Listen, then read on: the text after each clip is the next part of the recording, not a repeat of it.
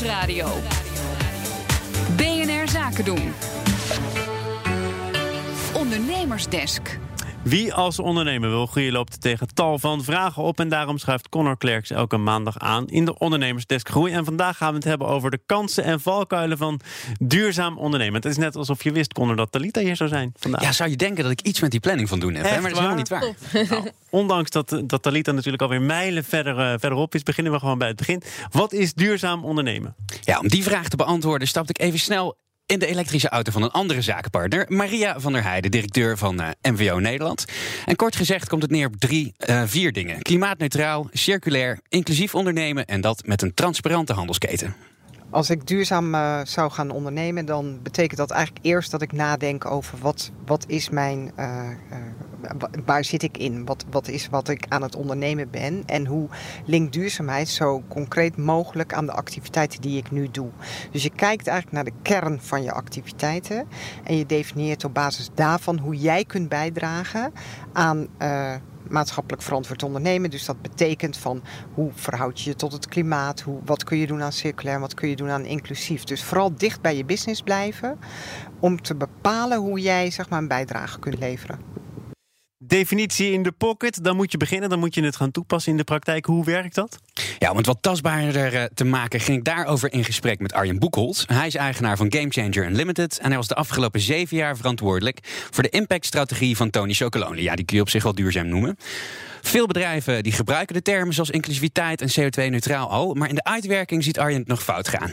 En dat is dan met name bij ondernemers, waar duurzame ondernemen niet in de kern van het bedrijf zit. Ik denk dat als een bedrijf zegt: wij willen echt eh, eh, een, een maatschappelijk probleem oplossen, dat dat, eh, en dat, dat maken we de kern van ons bedrijf, dat het daarom gaat bij sociaal ondernemen. En je ziet toch dat bij vaak bij MVO, bij maatschappelijk verantwoord ondernemen. Of CSR, zoals mensen dat noemen. Dat het toch vaak over risicomanagement gaat. Dus eh, ja, voldoen we aan alle eisen die gesteld worden door eh, wetgeving, eh, door wat consumenten van ons verwachten.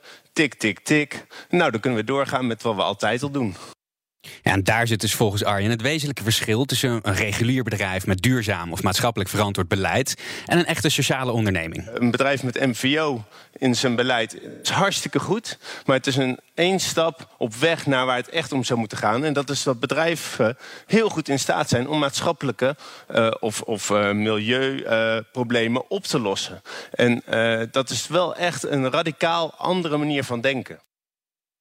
Je moet als eerste dus goed nadenken over de missie van je bedrijf. Want als je nou niet zou bestaan, wat zou er dan anders of minder goed gaan in de wereld? Ik denk dat eh, te veel bedrijven bestaan om een product of een service te verlenen, maar zich niet afvragen wat is het effect van dit product of service en hoe kan dit eh, positief bijdragen aan het oplossen van problemen in deze wereld. Ja, de missie van je bedrijf, dat zijn grote thema's. Dat eh, doe je niet zomaar bij een kopje thee op een achternaamiddag, toch? Nee, dat heeft ook tijd nodig. En het zoeken en het vinden van de kern, het DNA van eh, waar jij als bedrijf voor staat, ja, dat is gewoon een uitgebreide zoektocht. En die moet je eigenlijk met je hele team aanvliegen.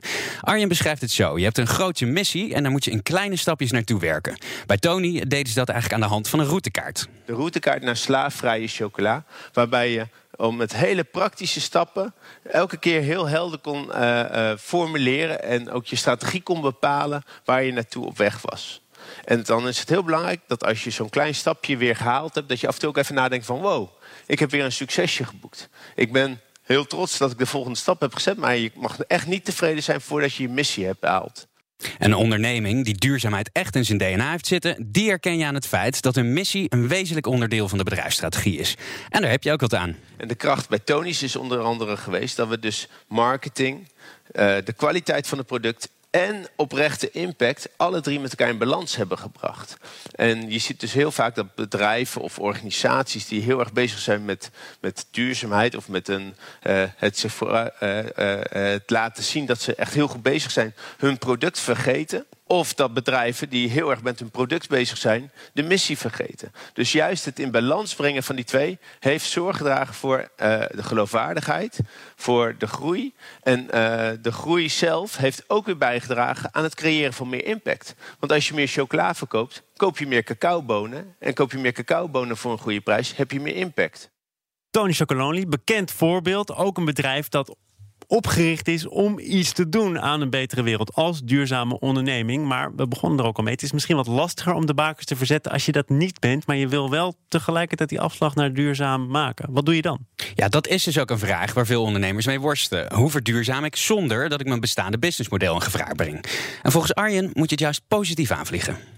Nou, ik denk dat je het helemaal niet als risico moet zien, maar dat juist als een hele grote kans om je bedrijfsmodel te versterken naar de toekomst toe.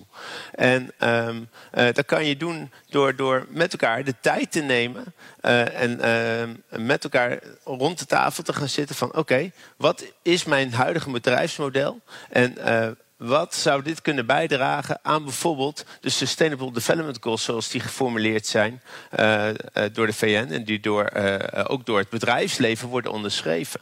En dan heb je alweer hele praktische handvaten waarmee je met concrete doelen waar je naartoe zou kunnen gaan werken. En veel bedrijven hebben die expertise volgens Arjen nog niet zelf in huis. Maar er zijn een heleboel partijen op de markt die je kunnen helpen om op een hele praktische manier tot oplossingen te komen. En zo kun je dan in je dagelijkse business alsnog een positieve impact maken. Talita, zou jij zeggen duurzaam groeien meteen beginnen? Of eh, zijn er toch echt nog valkuilen waarvan jij zegt als duurzaam ondernemer, ja, dat wordt vaak onderschat? Nou, kijk, het blijft een beetje abstract. Hè? Dus ik denk dat het ook niet erg is als een ondernemer gewoon even ook begint met zijn energiehuishouding. Waar laat ik me afval? Die kleine dingen, dat geeft wel misschien een eerste stapje en een gevoel van ik ben wel al op weg. En dan vervolgens misschien eens een keer aan je leveranciers gaan vragen: hey, waar komen die producten eigenlijk vandaan? En dat is echt de grotere stap is om je eigen keten in te gaan. Dicht bij huis beginnen, dat is eigenlijk het eerste ja. advies. Connor Klerks, nou, en dat gevoegd bij al die adviezen die jij verzameld hebt. Ik denk dat mensen er weer tegen kunnen. Dank je. Ik denk het ook. Ondernemersdesk over groei wordt mede mogelijk gemaakt door NIBC. NIBC, de bank voor ondernemende mensen.